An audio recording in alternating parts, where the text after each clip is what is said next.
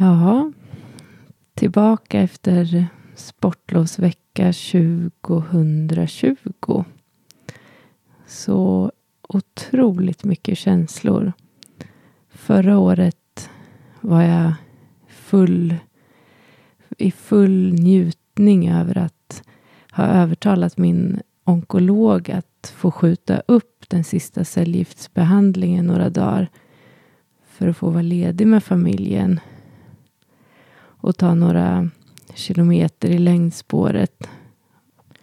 Då eh, såg jag mig själv i spegeln utan hår och med jätteont i kroppen och supersvullna kortisonkinder som var alldeles rödsprängda och nästan såriga. I år borde det ha varit som förut. Eftersom jag jobbar heltid, livet snurrar på. Jobb, träningar, handling, barn som skjutsas till träning och vanliga vardagsbekymmer. Ändå var det så annorlunda. Ett stort R. Klänningar som sitter snett, hänger lite där det saknas en kroppsdel. Jag satt framför brasan i fritidshuset i Jämtland. Och så loggade jag in och såg statistik för podden. Jag hade inte gjort det på väldigt länge. Jag hamnade i chock. Alltså, det är ju massor som lyssnar fortfarande på de här orden. Mina de här orden som jag lät komma ut, som var som en ventil för mig. Eh, att få säga saker utan kommentarer från någon. Det var fantastiskt för mig under eh, de här månaderna. Och jag, jag blir alldeles överväldigad av att det är så många som lyssnar nu. Sen kom en slags saknad. Och naturligtvis en vilja att dela med mig av hur är läget nu då? Kanske tror att jag inte finns. Eller något. Så um, därför sitter jag här nu. Pigg och glad. Stark och lycklig tacksam och kärleksfull. Ibland också så trött. Och med en kropp som kan göra ont som en så som jag tänker mig att en gammal kvinna har det.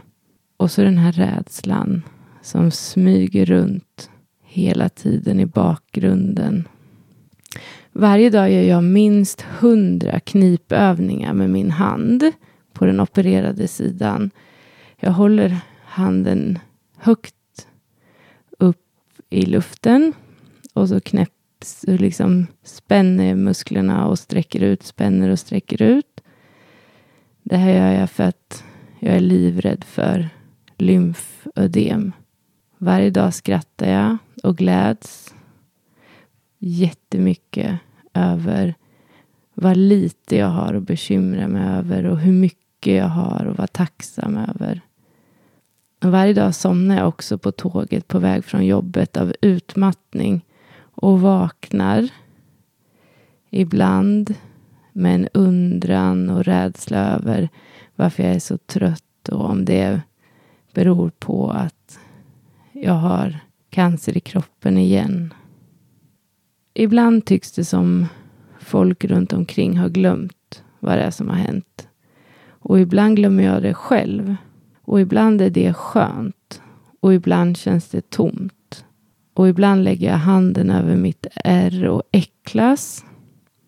Och ibland känner jag mig stolt och stark av den där rörelsen. Allt som oftast tuffar livet på. Precis som vanligt. Och jag tycker det känns bra. Jag tycker också det känns helt magiskt om det är så att den här podden, mina tankar och mina ord på något sätt har hjälpt någon eller stöttat någon eller fått någon människa att få mer förståelse eller, eller kunna stötta någon annan. Jag tänker att jag eh, återkommer this morning.